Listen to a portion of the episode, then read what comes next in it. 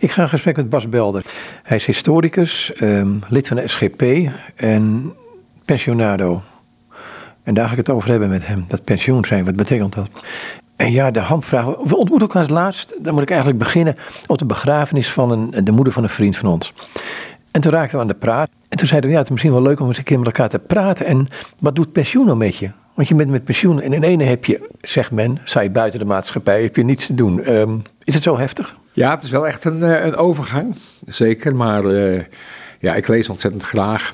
En uh, ik ben eigenlijk in mijn hart altijd journalist gebleven. Dus dat wil zeggen, wat je interessant vindt zelf, denk je gelijk, dat zou ook wel aardig zijn om voor een brede publiek. En dan dat toegankelijk te maken. Dat kunnen wetenschappelijke artikelen zijn, dat kunnen boeiende boeken zijn. En uh, ik mag me gelukkig prijzen dat ik momenteel een aardige uitlaatklep heb wat dat betreft. Ik schrijf regelmatig voor het Fries Dagblad. En ook voor Israël Nieuws van Joop Suzan.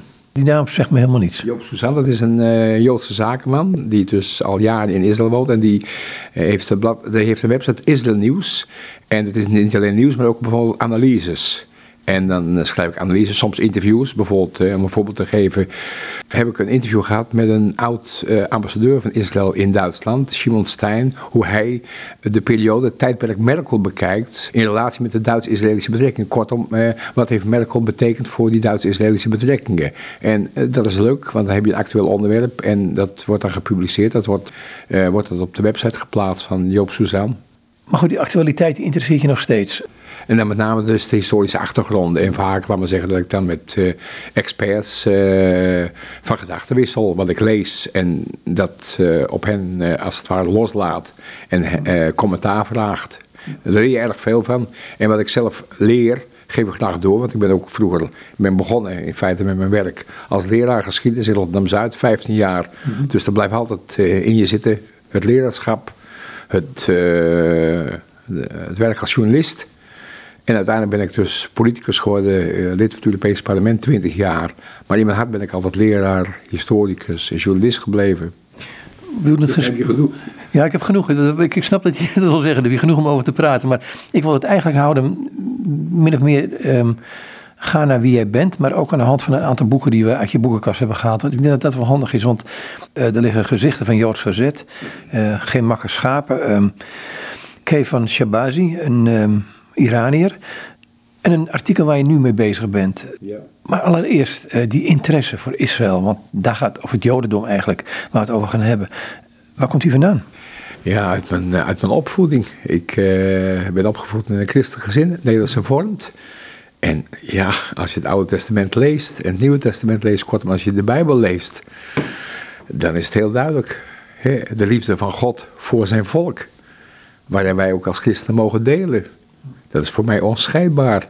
Ik uh, vergeet nooit meer als uh, kind, vond ik het geweldig altijd in Slikkerveer, hè, waar ik dan op school zat, een algemeen christelijke school nog, de Bijbelverhalen die elke morgen eerst kregen. Daarna kregen we rekenen, taal wat we eerst de Bijbelverhalen.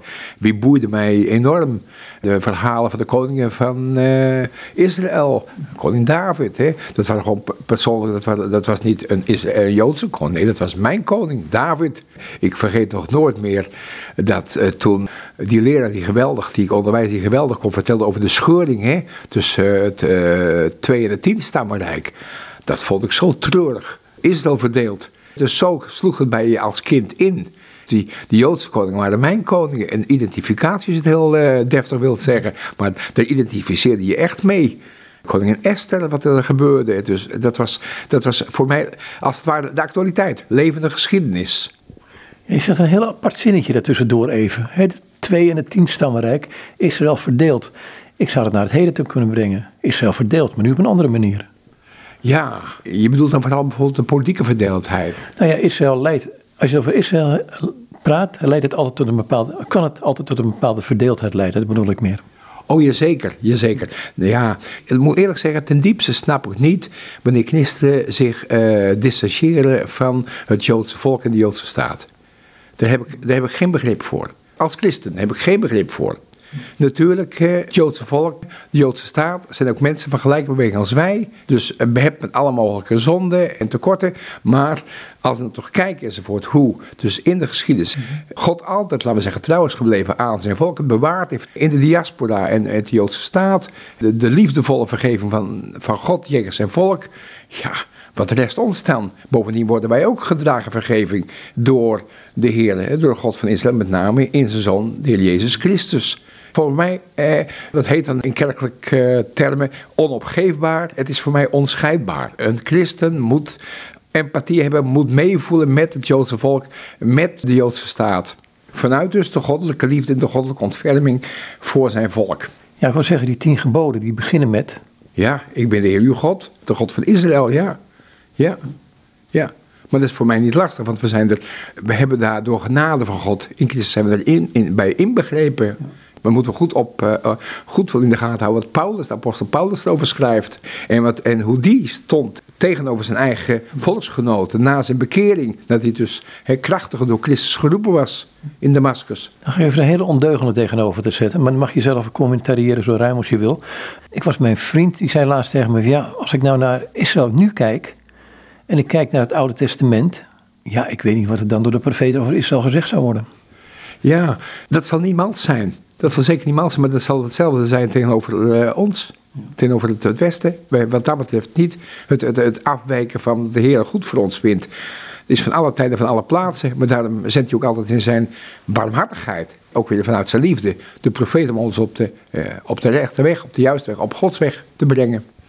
Heeft Israël nou juridisch bestaansrecht volgens jou? Israël juridisch bestaansrecht heeft? Vanzelfsprekend. Het is, uh, let wel, het is natuurlijk... Uh, de Verenigde Naties hebben toen dat scheidingsplan voorgesteld. Hè. Ze zijn internationaal erkend. Juridisch heel duidelijk, maar bovendien als je uitgaat van, dat een volk recht is om een, een, een, een staat te vormen. Dat dat, dat in de geschiedenis een vanzelfsprekend is. En dat is ook natuurlijk treurig in deze tijd, dat juist dat antisemiet in feite, het diepste antisemitisme is de Joden het ontzeggen van hun eigen staat natuurlijk. Dat gaat dan vaak gepaard onder de vorm van kritiek op Israël. Maar het is in feite een, een, met een moeilijk woord de delegitimering van de Joodse staat. Je zegt het al, in, in, in 47 dacht ik, uh, dat, dat delingsplan geweest. 67 um, Eshkol. Ik heb soms het idee dat de man daar een, een, elementaire fout heeft gemaakt zijn beoordeling van de Westbank. Van het is, hij heeft het bezet gebied genoemd en geen bevrijd gebied. Ja, dat is natuurlijk vanuit welk perspectief is het. Want hier hebben we natuurlijk over het hartland van het Joodse volk. Judea Samaria, zeker, ja. Als historicus zeg ik dan, dat is opmerkelijk, hè. Die hele bezetting van uh, dat uh, westelijk Jordaan door Jordanië zelf, van 48 67, daar krijgt geen haan naar.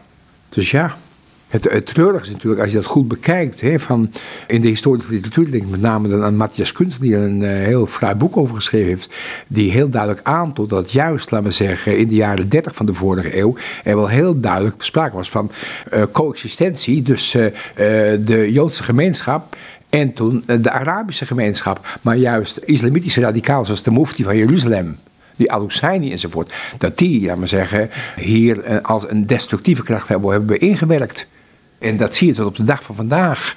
Ik aarzel niet om te zeggen dat uh, islamisme, echt, laten we zeggen, de islamitische suprematiegedachte, hè, van uh, dit is islamitisch grondgebied geweest, dus moet islamitisch blijven, dat dat eigenlijk de drijvende kracht is achter de vernietigingsdrang richting de Joodse staat. En dat is het treurige, dat dat, hè, dus die religieuze destructiedrift, hè, vernietigingsdrang richting de Joodse staat, eh, dat die niet onderkend en genegeerd wordt en gebagatelliseerd wordt, want anders kan er nooit sprake van zijn. En maar enige uh, vergelijk tussen uh, Joden, Israëli's en Palestijnen tegenover elkaar natuurlijk. Maar als je dat negeert gewoon, als je de crux, hè, waar het op, op vast zit enzovoort, als je dat niet benoemt en niet uit de weg wil ruimen, dan kun je uh, eindeloos uh, een mantra hebben van twee staatoplossing, maar die zal dan steeds meer in de verte verdwijnen.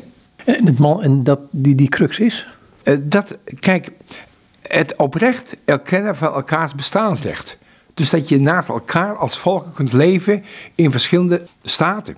He, dus de twee-staatoplossing. Maar als er, een, een, een, een, als er binnen de groep, dus binnen de Palestijnse uh, bevolking, he, een, een, een hele duidelijke politieke kracht is, die van geen vergelijk wenst te weten, he, de Hamas, die zeggen dit is islamitisch grondgebied, weg ermee met de Joodse staat. En als die dan zogenaamd de Palestijnse autoriteiten wel tot een vergelijking willen komen, maar ook meedoen aan die antisemitische haattirades en opvoeding van de jeugd, die in feite dan aan de ene kant zeggen van ja, we zijn wel voor een vergelijking, maar aan de andere kant vanwege ook de competitie met Hamas in feite hetzelfde bedoelen. Ja, erken je nou Israël, erken je de Joodse staat of niet? Dat is het punt. Hamas is daar heel eerlijk en heel duidelijk in, dus niet. Nou, dan hoef je niet te spreken over een twee-staat-oplossing. En bij de Palestijnse autoriteit hebben, zijn er meerdere reden aanleiding om te zeggen van... in feite is er ook geen sprake van een volmondige erkenning van de Joodse staat. Ik ga naar de boeken toe die hier liggen. Um, wat zullen we als eerste nemen? De Amerikaan van Karaj, um, een boek uh, uitgegeven bij Atlas Contact van Kevan Shabazi. Ik weet niet of de naam goed uitspreekt, maar goed, uh, jij weet het beter. Uh, jij hebt hem ontmoet. Ja, ik. hij. Ehm, ik heb erg veel interesses. Dat wil zeggen, dat geeft ook, daar heb je nog eens een keer de keuze. Wat is interessant, hè? Uh, ja, het voordeel van journalist zijn is dat je op een gegeven moment... je kunt alles lezen en overal wel een mening over hebben. Um, nou, zonder dossierkennis, hè, soms. Nee, uh, dat is het punt. Je, nee, ik hou wel van dat je echt, laten we zeggen, gefundeerd... je moet echt wel uh, van de hoed en de rand weten. Je moet je echt ergens in verdiepen. dus... Ik heb altijd uh, erg veel interesse gehad. Dus toen was ik nog leraar geschiedenis. Mm. Dat is dramatisch geweest in 1979. Dat dus de Shah van Iran het veld moest ruimen. Politiek gesproken moest, uh, in ballingschap moest gaan voor Khomeini. En dat je daar kreeg een islamitische revolutie. En je hebt tot op de dag van vandaag de Islamitische Republiek van Iran. Ook natuurlijk van, van belang voor mij. Want ik, de Islamitische Republiek van Iran heeft altijd als doelstelling gehad de vernietiging van de staat Israël. Op naar Jeruzalem om dat voor de moslim, de Oema weer te veroveren. Ik heb dus altijd interesse gehad in wat er gebeurde. Zowel binnenlandse politiek als de buitenlandse politiek. En er zijn buitengewoon veel hè, mensen gevlucht, burgers gevlucht voor de tirannie van de Islamitische Republiek Iran. Want dat betekent geen bevrijding, maar een compleet islamistisch juk op die hele bevolking, op de dag van vandaag. Nou, een jonge balling was deze Kaivan Shabashi. Dat is dus dan praat je over de 70 jaren vorige eeuw. Ja, maar hij, hij is opgegroeid als hij is opgegroeid in een plaats, Karaj, als middelbare scholier. En hij is in het verzet gekomen en dat heeft hij vreselijk moeten bekopen, vooral zijn kameraden. Hij is als het ware overlevende van de generatie. Hij is in 1983, is na een spectaculaire vlucht, is hij dus in Nederland gekomen. Heeft hier gestudeerd is cultureel psycholoog en is verbonden aan dus de tegenwoordige nationale politie. Hij heeft dus decennia, 38 jaar, met zijn werkelijk verschrikkelijke jeugdervaringen rondgelopen en heeft een boek geschreven over door de ogen van die jongen die dat toen meemaakte enzovoort, wat er gebeurd is met die jongen die in verzet kwamen. En hij is overleefd. Hij heeft executies vanuit zijn cel gezien, door reet en gaat enzovoort, van zijn kameraden. En, en dit is natuurlijk de, de essentie van het regime. Want wat is het, het, het actuele van dit boek? Dit boek is dus een, een terugblik, maar heel, een, hele boeiende, spannende verhaal. En echt het is een autobiografische roman, waarin hij vertelt hoe hij eigenlijk ontkomen is aan die islamistische terreur die tot op de dag van vandaag is in Iran en erbuiten. Want Iran is expansionistisch ook, hè? Nou, dat heeft hij als het ware filmisch geregisseerd in dat boek. En wat is nou de actuele spits? De huidige president van de Islamitische Republiek Iran, Ibrahim Raisi, was degene die hem verhoorde en folterde toen hij middelbare scholier was. Dus u moet zich voorstellen, in Iran de tweede man van het Iraanse regime, Ibn Raisi, was de folteraar, de martelaar van deze Nederlandse staatsburger van Iraanse origine, Kaivan Shabashi. Dat geeft het boek een actuele spits. Ik heb hem ook in een interview gevraagd wat dat betekende toen die Raisi officieel met een plechtigheid president werd van, dat daar de Nederlandse staatsvertegenwoordigd was dat er de Europese Unie vertegenwoordigd was. Of dat geen klappend gezicht was. Hij zegt ja, dat voelt aan als een klappend gezicht. Dat is verraad aan mijn generatie. Dus let wel, er zit iemand met enorm veel bloed aan zijn handen. Zit, laten we zeggen, als president van de Islamitische Republiek Iran. En daar hebben we het dus mee uh, te maken. En, en, hij, heeft dus, hij heeft er veel moeite mee. En ik ook. Dus dat onder het mom van. Ja, we moeten de diplomatie maar doorgaan. Dat je doet business as usual. En dat vind ik ook het verschrikkelijke in feite. Dat, laat ik het uh, even uh, zeggen. Uh, wat ik buitengewoon moeilijk vind, is dat met alle respect voor mevrouw Merkel. Mevrouw Merkel heeft gezegd dat de, de veiligheid, de veiligheid van de staat Israël, dat wil zeggen dus ook de veiligheid van al de Israëlische burgers, staatsburgers, dat is voor Duitsland, ook met oog op het verleden natuurlijk, de holocaust, dat is staatsraison. Met andere woorden, wat is een elementair punt van de Duitse staat? Dat de Duitse staat instaat voor de veiligheid van Israël en zijn burgers. Hoe kun je dan jaar en dag pacteren, appeasementbedrijven, zoete broodjes bakken met een islamitisch regime in Teheran, met de Islamitische Republiek Iran, die open en eerlijk, gewoon gezegd, open en bloot gewoon gezegd, en zelfs een klok heeft van wanneer gaan we die Joodse staat vernietigen. Dat is genocide. Hoe kun je daarmee omgaan? Hoe, het is een tegenspraak. En ik, ik ben het dus helemaal eens met die analisten, zoals Stefan Griegard en anderen, die zeggen van, hier moet onmiddellijk een eind aan komen. hebben we niks geleerd van het verleden? Hebben we niks geleerd van appeasementpolitiek ten opzichte van uh, Hitler? Wat is een van de grote punten geweest in de eeuw waarin ik geboren ben, 1946? Hè? Het niet werkelijk onderkennen van het enorme gevaar, de explosie aan destructie, aan moord enzovoort van het Hitlerregime. En nu hebben we te maken met een islamitisch regime en, en de, het karakter van het regime wordt niet onderkend gewoonweg. Ik zit naar een boek te kijken in jouw boekenkast van Hans Jansen. Ja. Waarin ook die, die, al die, die afbeeldingen zijn, hoe er naar Joden gekeken werd. Toen dacht ik, nou, um, daar lussen de, de, de, de honden geen brood van als ik die zie. Dat is een verschrikking. Het, is toch, het zegt toch genoeg van de, de afgrond, hè? de demonische, de duivelse haat. Als het dus uh, deze verschrikkelijke pandemie, COVID-19, doopt, hè?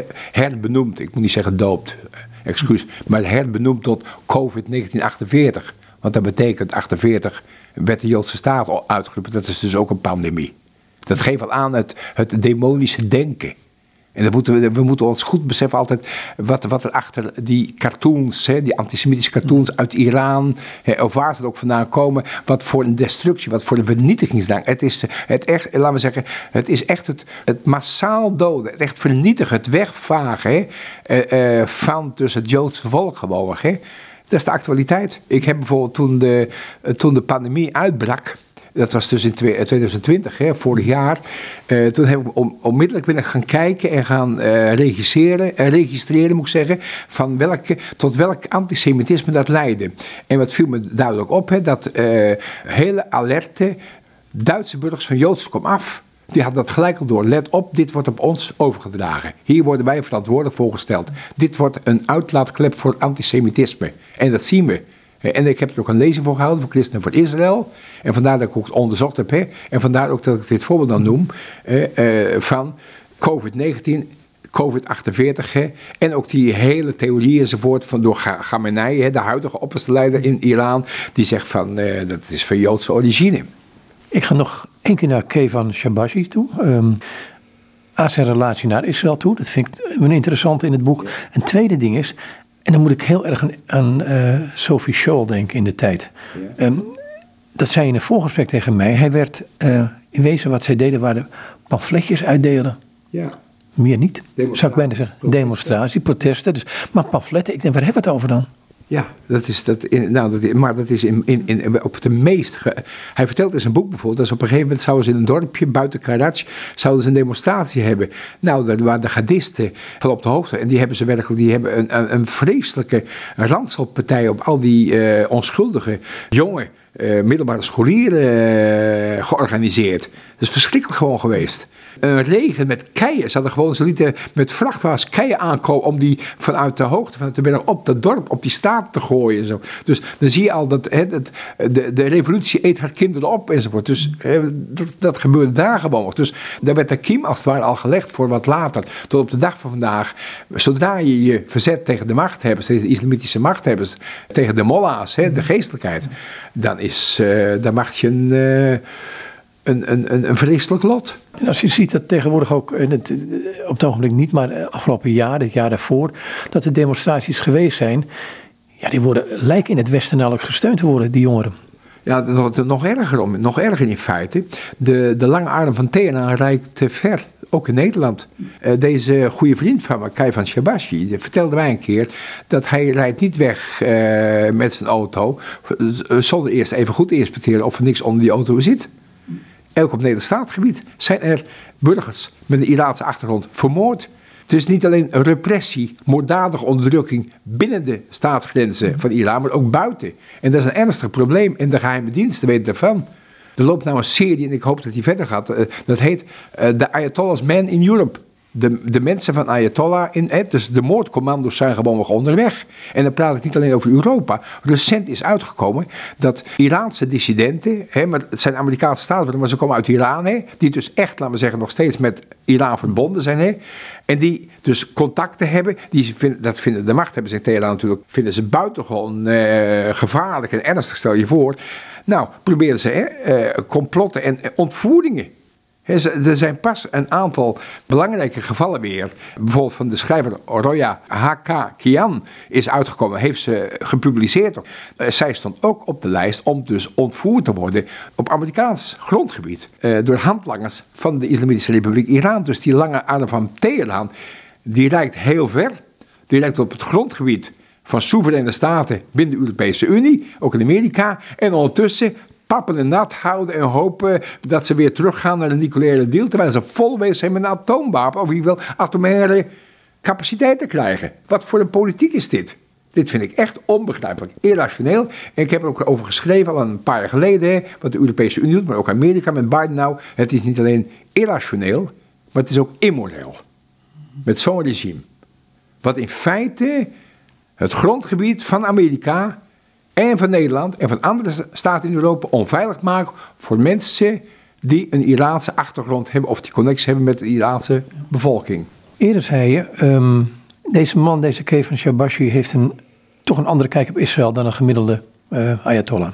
Hij is ervan overtuigd dat, laten we zeggen, eh, dat die enorme anti-Israëlische en anti-Amerikaanse propaganda al jaren dag vanaf het ontstaan van de Islamitische Republiek helemaal, laten we zeggen, niet diep verankerd is in de Iraanse bevolking. Dat die in feite alleen maar juist nauwe banden hebben met Israël en met de Joden. Je had ook een bloeiende Joodse gemeenschap in Iran gewoon. Eh, dus daar is hij van overtuigd. Maar dat zie je ook in Irak natuurlijk pas geleden. Hè? Want het punt is natuurlijk de Arabische wereld, maar ook, de, eh, ook Iran is natuurlijk in feite voor, uh, voor grotendeels, grotendeels, laten we zeggen, beroofd door, van zijn, en, en eigenlijk verlaten door zijn Joodse bevolking. want er wordt altijd gesproken over het Palestijnse vluchtelingenvraagstuk. Maar er zijn nog waarschijnlijk numeriek veel meer Joodse vluchtelingen uit de Arabische wereld geweest. na de Tweede Wereldoorlog dan Palestijnen. En, en, en dat is een onderwerp wat momenteel ook eh, naar voren komt. Maar dat, dat zijn onderwerpen wel, laten we zeggen, die. Uh, en er, eh, vooral nieuwe literatuur die erover uitkomt, waardoor je als historicus de lens scherper weet te stellen enzovoort. En, en, en, beter zicht krijgt. Er zijn echt prachtige studies nou verschenen, bijvoorbeeld van de Franse historicus Georges Bensoussan. Het boek heet niet voor niks Die Verbodene Vragen, het verboden vraagstuk. Want daar moest je maar niet over praten wat er gebeurd was.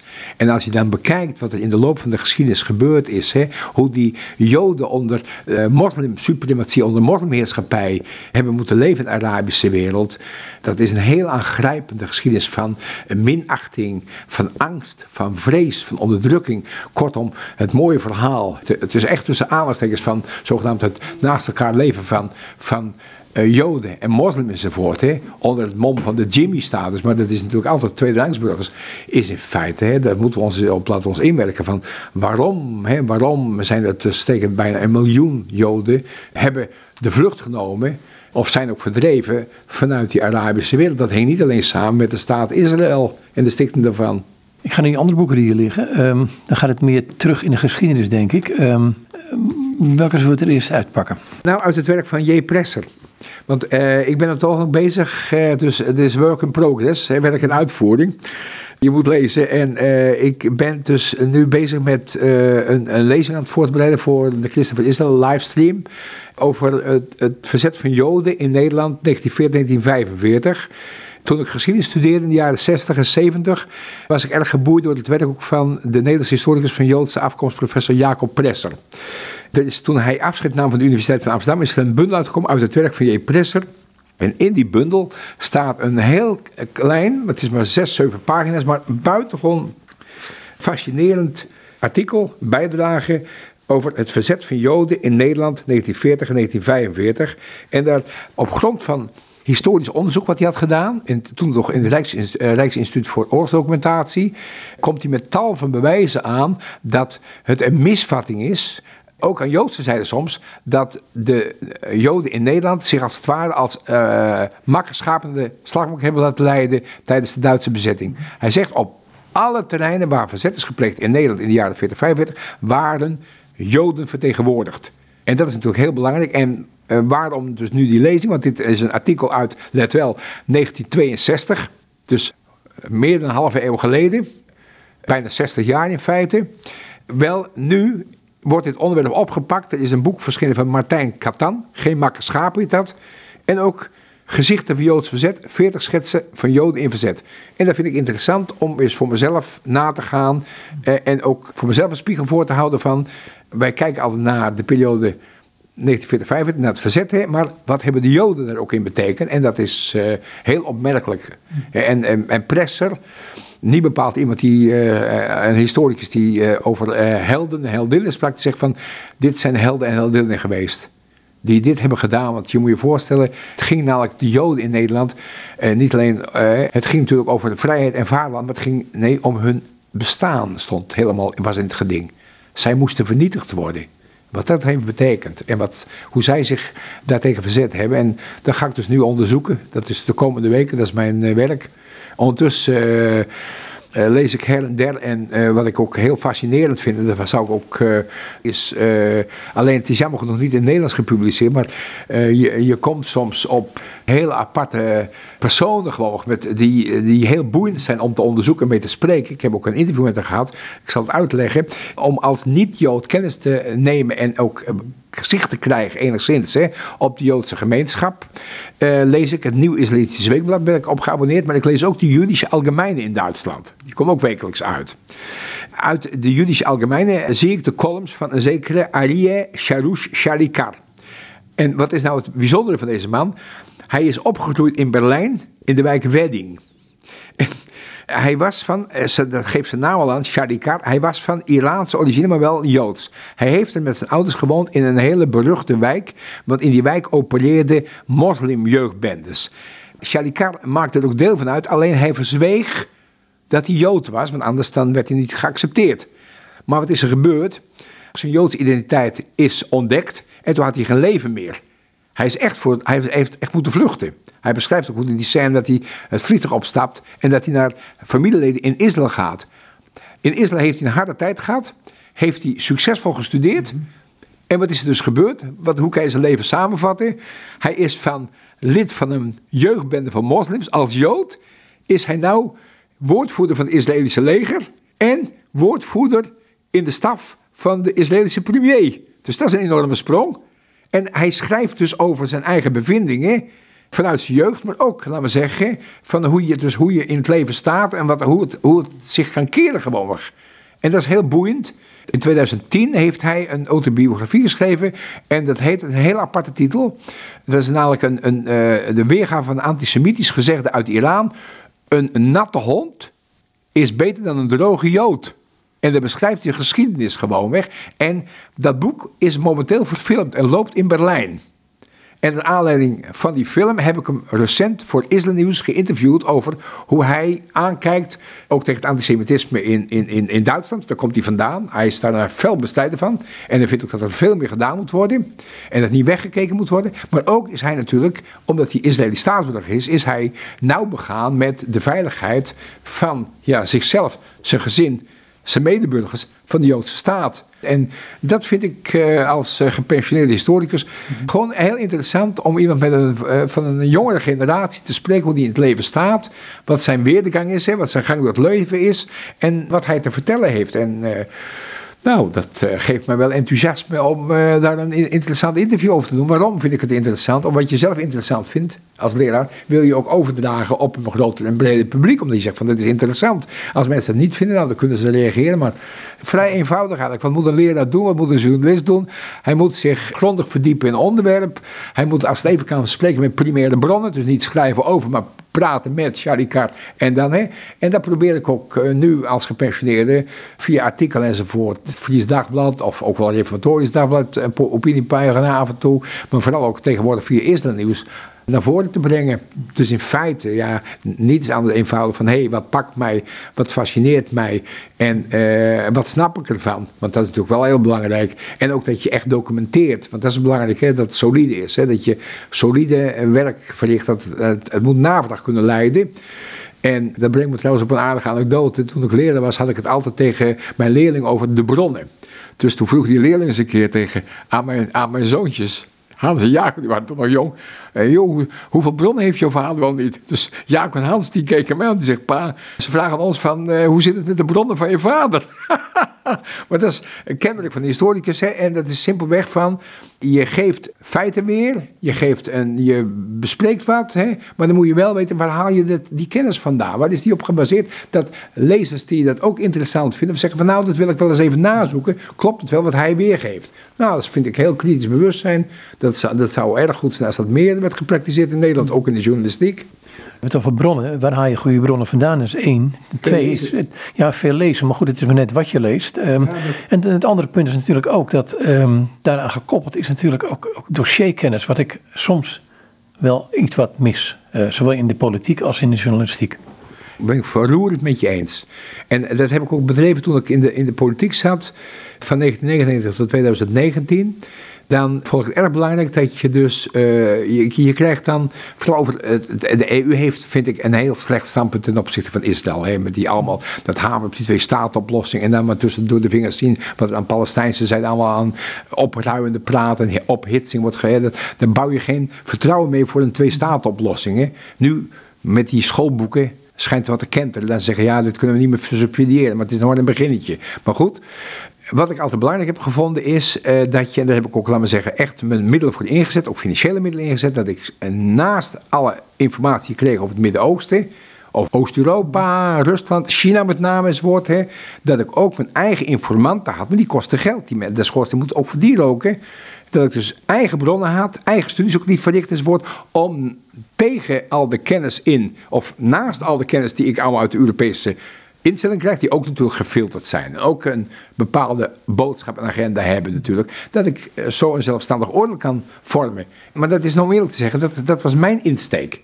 Het zou te wensen als dat eens meer gebeurde. Met alle respect, kijk, Bijvoorbeeld over het punt van christenvervolging. Er zijn prima organisaties, daar kun je goed mee samenwerken. Maar het is ook goed dat je mensen ter plekke hebt gevolgd. Dus ik had, om concreet te zijn, jarenlang heeft een Arabist, Martin Jansi, voor mij de Arabische wereld vanuit eerst Damascus, Syrië, vanwege de burgeroorlog is hij uitgeweken naar Jordanië, Amman, heeft hij van mij bericht, omdat hij Arabisch talig was, hè, kon hij berichten wat gebeurde er met christenen in het Midden-Oosten. En was ik goed op de hoogte gewoon. Door zijn kennis maakt hij dossiers. Als wij op donderdag bijvoorbeeld hadden over de verdrijving van christenen in die ISIS-periode in Syrië en Irak, kon hij me daarover goed informeren. Maakte hij een dossier voor me, dan had ik contact met hem op vrijdag. Dit staat op de agenda voor volgende week. Alex Maanders had ik, smiddags als ik in Straatsburg arriveerde, prachtig dossier. En kon ik met hem nog eens verder erover praten, gewoonweg. En had ik ook van andere mensen ook vanuit de katholieke kerk, een hele goede, hele goede bron enzovoort, om te kijken, omdat, hè, ook al heb je een minuut of twee minuten, dat je met een waarheidsgetrouw een goed, solide statement komt, dat je echt praat en dat je ook de juiste vragen kan stellen. Maar dan moet je natuurlijk ook geëngageerd zijn. Ik vond het erg belangrijk. Ik vond het erg belangrijk wat er gebeurde met christenen in het Midden-Oosten, om de islam en om een waarheidsgetrouw beeld te hebben. En daarom had ik ook voor, uh, voor Israël en de Palestijnse gebieden, had ik Esther Grisnik, die nou in Irak zit, voor de ZOA, was voor mij een pied Dat was voor mij mijn eerste informatiebron over de positie Palestijnse christenen op de westelijke Jordaanoever en in Gaza, omdat zij daar contact mee had. Zij had de contacten gewoon weg en ze deed ook onderzoek. Kijk, en dat vind ik belangrijk, want dan praat je uit de eerste hand, dan heb je goede bronnen en dan bouw je ook dossierkennis op natuurlijk. Wat ik erg belangrijk heb gevonden altijd, en dat is begonnen eigenlijk toen ik dus bij de, bij de pers kwam, hè, dat is dus, dan praat ik over 1983, nee 1984 en vol, ben ik eigenlijk dagelijks gaan lezen de Duitse pers. Omdat de Duitse bladen zoals de Frankfurt Allgemeine Zeitung of in Zwitserland de Neue Zeitung, internationaal, hebben een breed correspondentennet, hele goede informatie. Die kan ook variëren, maar grosso modo hele goede informatie. Naast de Nederlandse pers. Ja, en dan, en dan kom je interessante mensen tegen dat je zegt van... hé, hey, en dat is dan mijn methode. Lees ik een interessant stuk, dan denk ik eens... dan ga ik de antecedenten naar van de schrijver... en ga ik uh, vaak ook probeer ik, hè, dat zeker tegenwoordig via de social media, in contact te komen, hè, via app of via de, via de e-mail. En uh, dat doe ik nou ook als pensionado. Recent verscheen een, een geweldig, was voor mij een eye-opener over hoe we tegenover Afghanistan moeten aankijken. Van een hoogleraar islamitisch recht, die meer dan tien jaar in Afghanistan gewerkt had. En had gezien dat er nog nooit echt een staat is geweest. Dat was een geweldig stuk, zie ik helemaal in de Nederlandse pers denk ik van nou, dat vind ik een lacune, dus wat doe ik dan? Dan ga ik, dan ga ik zelf, heb ik contact met hem opgesteld, dan heb ik een interview met hem gehad, dat niet omloog moet ik zeggen, en dat is in Fries Dagblad afgedrukt. En dat, en dat geeft mij weer een nieuwe informatiebron die heel interessant is. Je zegt op een gegeven moment, um, ja. er is nooit een staat geweest in Afghanistan, daar kunnen we nog eindeloos over doorpraten, en ik denk dat het best interessant is. Maar je zegt ook een journalist, je moet geëngageerd zijn. Wat bedoel je daarmee? Daar bedoel ik mee, allereerst dat je ook je moet voorstellen van het gaat om mensen. Hè? Mhm. Schepselen van God. Wat gebeurt ermee? Dat je ook empathie hebt, dat je probeert je in te denken wat het leven voor hun betekent. In oorlogstijd, in crisistijd. Denk bijvoorbeeld wat er toch ook in Libanon gebeurt, dramatisch, economisch. Dat je daar empathie voor hebt, dat je dus dan niet even... Hè? Het zijn ook schepselen van God, zoals ik zeg. Dus hè, vanuit menselijke optiek je meeleven. En dan, dan, dan, dan ongeacht, ongeacht wat mensen geloven, doen en dingen, dat is jouw primaire uitgangspunt, het mensbeeld van, oké, mensen zijn schepselen van God. Of je nou van ISIS bent of van, maakt niet uit wat, je bent een schepsel van God in eerste instantie. Ja, ja, ja, ja zeker. En, en, en, dat je dus, en, en, en wat beweegt mensen? En wat doen mensen? En welke positie zijn ze? Om, ze, om te begrijpen. En ook andere culturen. Om dus ook uh, probeer, oprecht geïnteresseerd te zijn kennis te verwerven, om, om, om dan te kunnen plaatsen, om dingen te begrijpen enzovoort. Ja, en geëngageerd, hè, dat gaat over dus dit, dit, de menselijke optiek, maar ook dat je dus echt, laten we zeggen, uh, uh, een situatie, de geschiedenis van het land probeert te duiden. Een diep besef hebben van hoe meer ik lees, des te meer ik erachter kom hoe weinig ik weet. Dat is een paradox, maar het is wel waar. Het is wel waar. En wat weet ik niet allemaal. En dat maak je ook voorzichtig om zomaar dingen te stellen, maar wel te zoeken van. en als je dan schrijft of dingen zegt, zoals nu, voor zover ik weet. Om dat zijn feilbare, gebrekkige, eh, wat betreft kennis, mensen. Maar wel met de drive, met de oprechte intentie om dus meer kennis te verzamelen en ook die kennis te delen. Om, om mensen erop op attent te maken. Om eh, buiten je eigen bezonjes, hè, buiten je eigen kring, wat je zelf allemaal belangrijk vindt, enzovoort, om de blik te verruimen, te verbreden. En dan wereldwijd. En dan, ja, hè, dat is natuurlijk van, eh, vanuit je christen zijn natuurlijk. Hè. Het gaat overigens net zo goed. Hè. Ik, heb, ik ben rapporteur geweest voor EU-China. Het vreselijke lot van de moslimbevolking van Xinjiang, de Oeigoeren, treft me net zozeer als, laten we zeggen, als ik zie van hoe er keihard ingeslagen wordt op Cubaanse christenen, die er niks mee te maken hebben tijdens die protesten recent. hoe de staatsmacht, hoe, hoe, misbruik van macht er plaats heeft. Wereldwijd gewoon weg. En je moet ook gewoon eerlijk zijn, interne controle hè, treft het leed van de ene groep meer dan het leed van de andere groep. Dat je dus niet selectief gaat worden. Dat je dus hè, alleen maar kijkt naar één groep en de andere groep, laat me zeggen, als het ware onbenoemd laat. En dat is een gevaar natuurlijk. Hè. Daar moet je dus wel van bewust zijn. Het, uh, hemd is nader dan de rok, bij wijze van spreken. Hè, waar voel je meer empathie mee, meer sympathie mee? Alsof het, en dat is wel een punt natuurlijk. En tegelijkertijd en ook weer zonder naïef te zijn natuurlijk. Zonder naïef te zijn dat je goed kijkt van wat er gebeurt.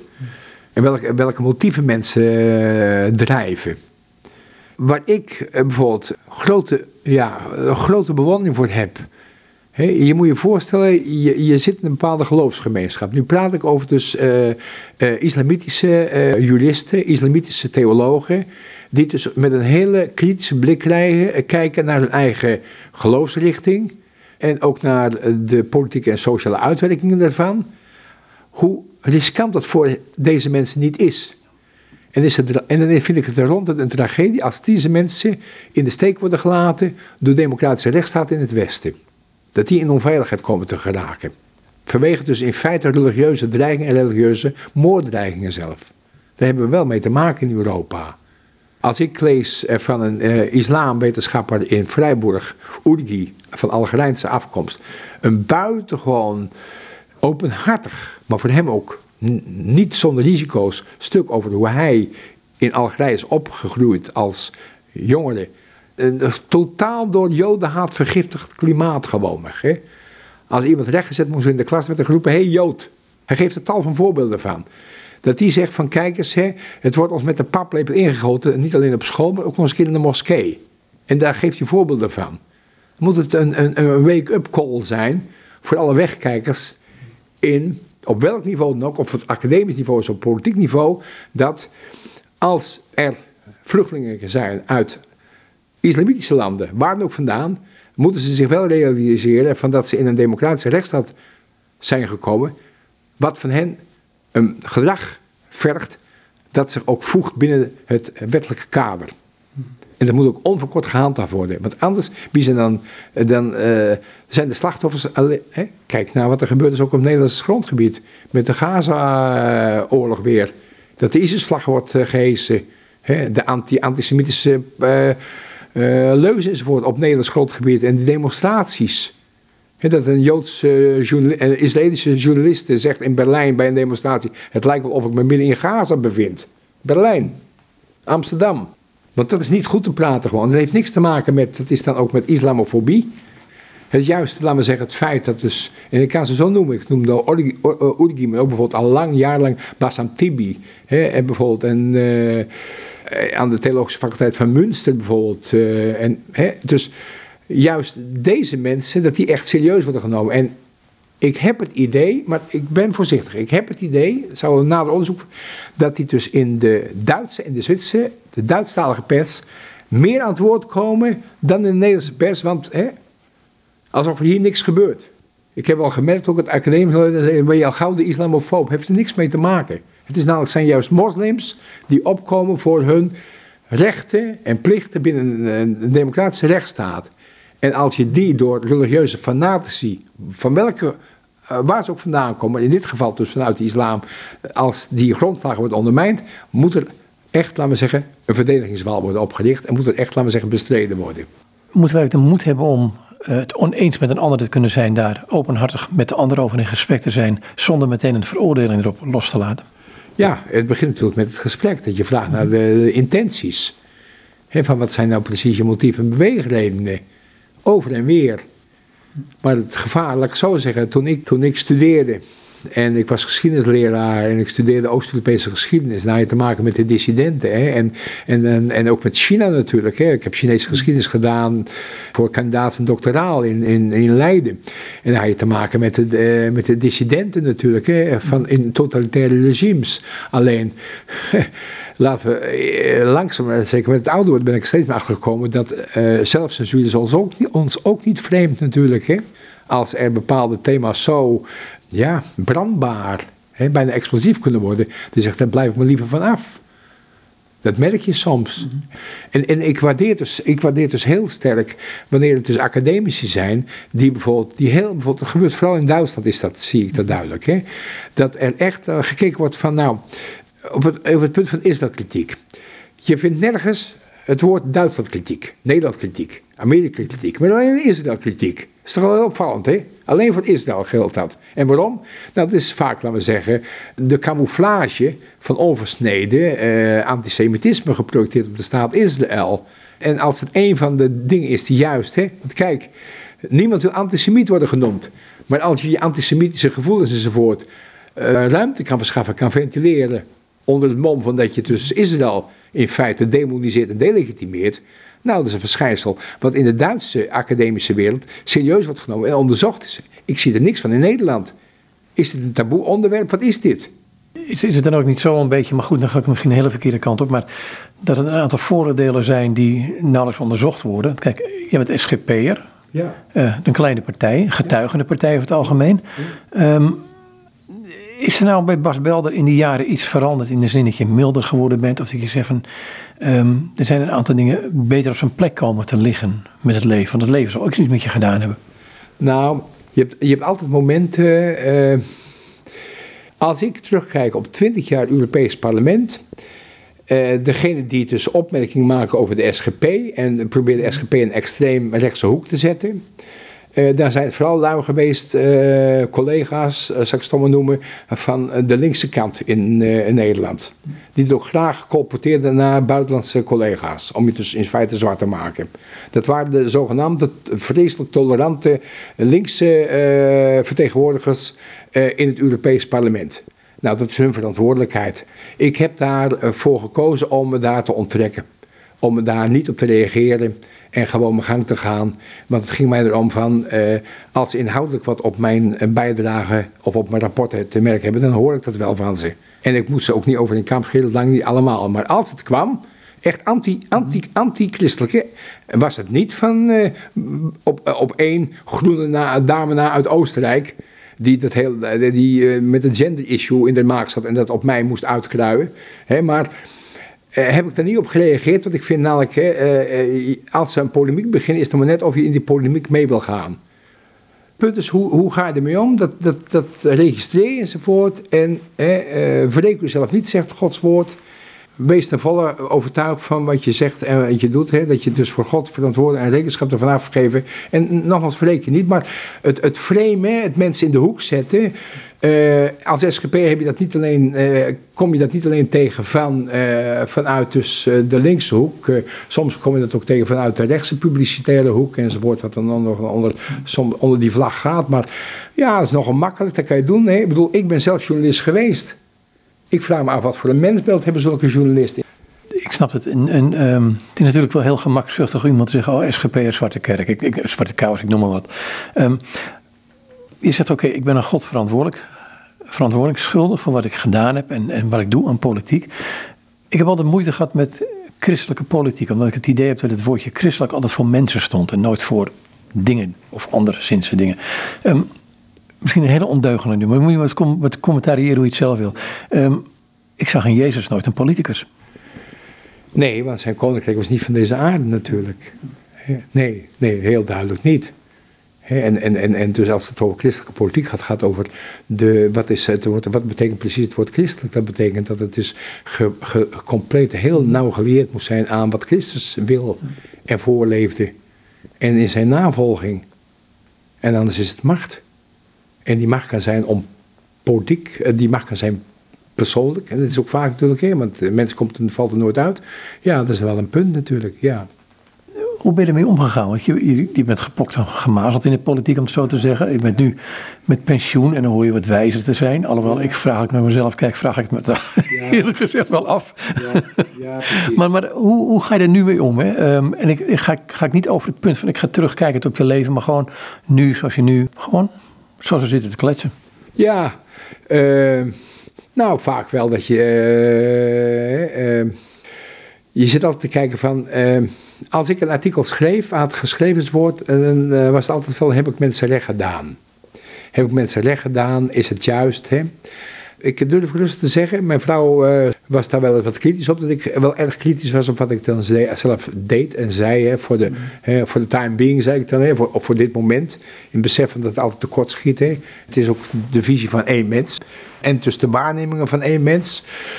Het, het gaat erom van heb je mensen recht wil doen? Heb je voor mensen ingezet? Mensen die je sprak, beschreven enzovoort. Hebben die op een eerlijke manier behandeld? Daar gaat het over, want het gaat wel voor Gods aangezicht. Hebben die eerlijk behandeld? En, en, als je zelf het slachtoffer wordt van, hè, dat heb ik dus meegemaakt in de politiek, nou, dat je even zo'n zo even zo'n zo'n etiketje krijgt. Hè.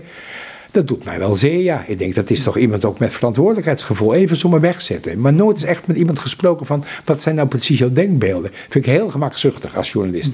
Ik vind het ook laakbaar van een krant die dat zomaar even, oké. want ik bedoel, ook zijn hoofdredacteur laat het doorgaan. Maar weet je wat het is? Dan moet je overheen stappen en zeggen, nou, dat registreer. Doe, gij niet. Doe dat zelf dan niet. Je moet er niet over jeremiëren, maar laat een waarschuwing voor jezelf zijn. Ga daar niet in mee, want dat vind je in feite niet christelijk. Ik vind dat niet christelijk, nee. Dit druist in tegen wat Gods woord zegt. Wij in de Reformatorische Kerk, gewoon bijbelgetrouwe kerken, Heidelbergse catechismus, de goede naam van je naast enzovoort. Nou, wat gebeurt daar nou precies mee? Hè? De christenen van welke kerk, van welke stroming, moeten daar eens goed over nadenken. Hè, van als je spreekt over medeschepselen uit Gods hand voortgekomen, hoe bekijk je die, hoe beschrijf je die? gebeurt op een manier, hè, dan hoef je eh, lang niet alles, laten we zeggen, eh, te verdoezelen. Maar als je dan dingen ziet die dus lakenswaardig zijn, afkeurenswaardig, maar het is maar net hoe je dat dan, dan beschrijft. Met welke intentie? Is het om ze in het moeras te duwen, weg te zetten? God duwt geen mensen weg. Wat is je intentie nou precies? Hè? Wil je iemand stiekempjes pijn doen. Of eens even wegzetten. Hè? Ik bedoel, dat luistert nou vind ik gewoon. En dat is, dat is wel een punt wat je voortdurend wel... Dus je moet je, laat ik zo zeggen... Naarmate je ouder wordt, moet je dus heel goed wel weten wat effect kan zijn op niet alleen je gesproken worden, maar ook op je geschreven worden. Want het staat wel zwart op wit. En ik denk dat dat goed is voor de gehele journalistiek, inclusief Bas Belder zelf, hè, om zich voortdurend, en zeker vanuit Bijbelse optiek, om je dat steeds uh, voor ogen te stellen. En dan moet ik ook eerlijk genoeg zijn, dat is me nog eens een keer uh, meer en meer duidelijk geworden, als je niet alleen zelf schrijft, maar als je uh, over je geschreven wordt. Ik kan niet beter formuleren. Dan denk je, hé, hey, dat is wel erg even makkelijk. Je hoort iets over iemand. Het gaat er niet alleen over mij, maar je hoort over iets iemand. Maar zonder degene waar het over gaat nog te raadplegen, neem het even over. Onder het gemakkelijke journalistieke ja van voor zover ik natuurlijk kan nagaan. Maar toch wel even, hè? Toch wel even opschrijven. Nou, dat gebeurt dus in de Nederlandse publicistiek. Dat heb ik ook zelf meegemaakt, hè? Gewoon een leugenverhaal opschrijven. Een hele gereputeerde krant, een volkskrant, hè, journalist uit Den Haag, hè, Haagse uh, rubriek enzovoort. Had geen flauw bedoel wat hij over schreef, te zeggen, maar had van iets gehoord enzovoort en schreef er zo even wat over. En zegt ja, ik heb het uit de e-bron. Nou, dat is zorgvuldige journalistiek, het tegendeel. Maar ik snap het wel, ik kan het wel, ik, ik, ik kan het wel duiden. Deze man zit in die Haagse stolp, een Haagse kringen. Dus die heeft natuurlijk nieuwtjes nodig. Die moet uitkijken wat hij allemaal over Haagse politici schrijft. Dus die kan zich makkelijker tegenover Brusselse politici, zoals Bas Belde natuurlijk, even, even die een, klap voor zijn oren verkopen of zoiets. Of een ander. Ja? Nou, die zorgvuldigheid, die zou ik graag uh, journalisten, wat ik, dus ik ben oud-journalist, die zou ik ze graag toch wel, nou, even, kijk eens even de spiegel, heren. Simpelweg, wat dan ook in de Bijbel staat, hè. Behandel nou zoals je zelf graag behandeld wil worden, behandelt zo ook anderen, derden. Bijbelse kan niet. Ik, ik gooi er nog één tegenaan, van Harry ja. Nouwen. Die zei op een gegeven moment, ehm, hij zegt, nou je kunt andere mensen zegenen. En eh, als je een ander zegent, betekent dat je ten gunste van die persoon goed spreekt bij God over die persoon. Ja. Dan heb je een lastige. Dat is een hele mooie gedachte. Dat is een hele mooie gedachte. Ik denk dat dat, dat, dat brengt ons bij diep, hè. Dat, dat je om je ongenoegen, je kritiek, hè, laat weten mhm. dat je, maar die kritiek mag blijven staan. Maar als die kritiek maar gemengd gaat, gepaard gaat met inderdaad dat je dus voor degene die het dan aangaat, die jou al niet terecht hè, toch beschadigd heeft, of, hè, of, hè, of dat je zegt, nou dat is toch niet fair, hè, dat je tegelijkertijd het welzijn, het geestelijk welzijn, de zegen in dit geval van God, toewenst en toe, ja, toewenst. Ja. Ik vind het, ja. Bedoel, anders dan is het ook strijdig met, eh, met, met, met wat, je, wat je dus, dat je zegt van, kijk, we moeten gehoorzaam zijn aan heel Gods woord. Hoe moeilijk dat ook is. en hoe voor de mens, alleen door genade, hoe, hoe, hoe dat indruist tegen je menselijke natuur. Want de menselijke natuur is dus boven, over, overeind staan, jezelf verdedigen.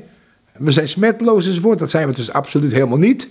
Maar de intentie is dat het niet om gaat om mensen echt weg te zetten.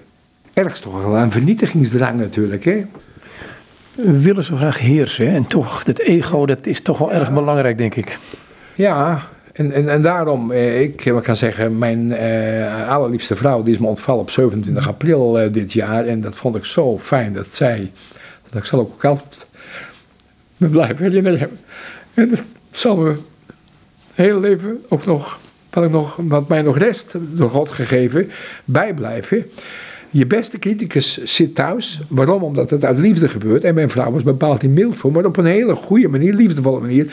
Dat ze me toch wel. Hè, en, en dat geeft je dan zoveel ruggensteun. En beter kan het niet gewoon weg. Dat je niet in de mond gepraat wordt, maar dat je met elkaar kan overleggen gewoon weg. Hè. En dat moet ik eerlijk zeggen, dat mis ik wel. Want als ik een artikeltje schreef, ziet, als ze even tijd had, las ze dat.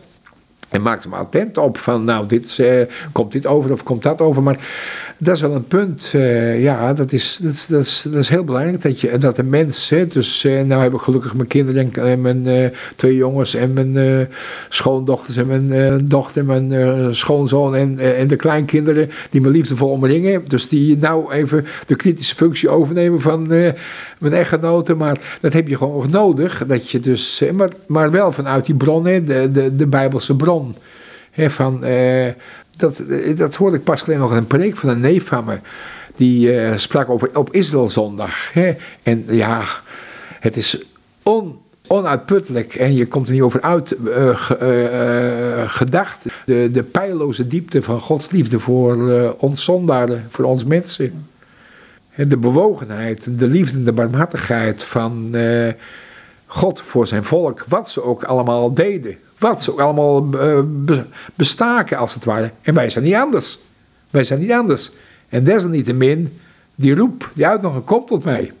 En ik denk, ja, als we ons daar door, ja, dan vallen veel dingen weg. Ik heb zo net ook een aantal pijnpunten daar genoemd.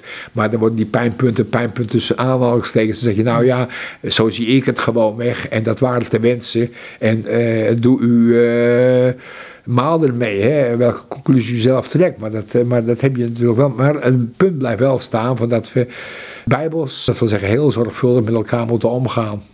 Wou ik zeggen, um, ik wil je voor danken voor dit gesprek.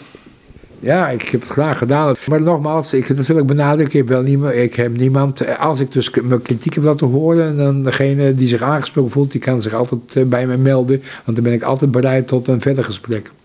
Dat denk ik ook. En dit is Bas Belder. En met hem was ik in gesprek over een aantal boeken. Um, een aantal interesses van hem. Ik denk als historicus, als mens, als ja, als Bas. Goed, nogmaals dus tot zover dit gesprek met Bas Belder.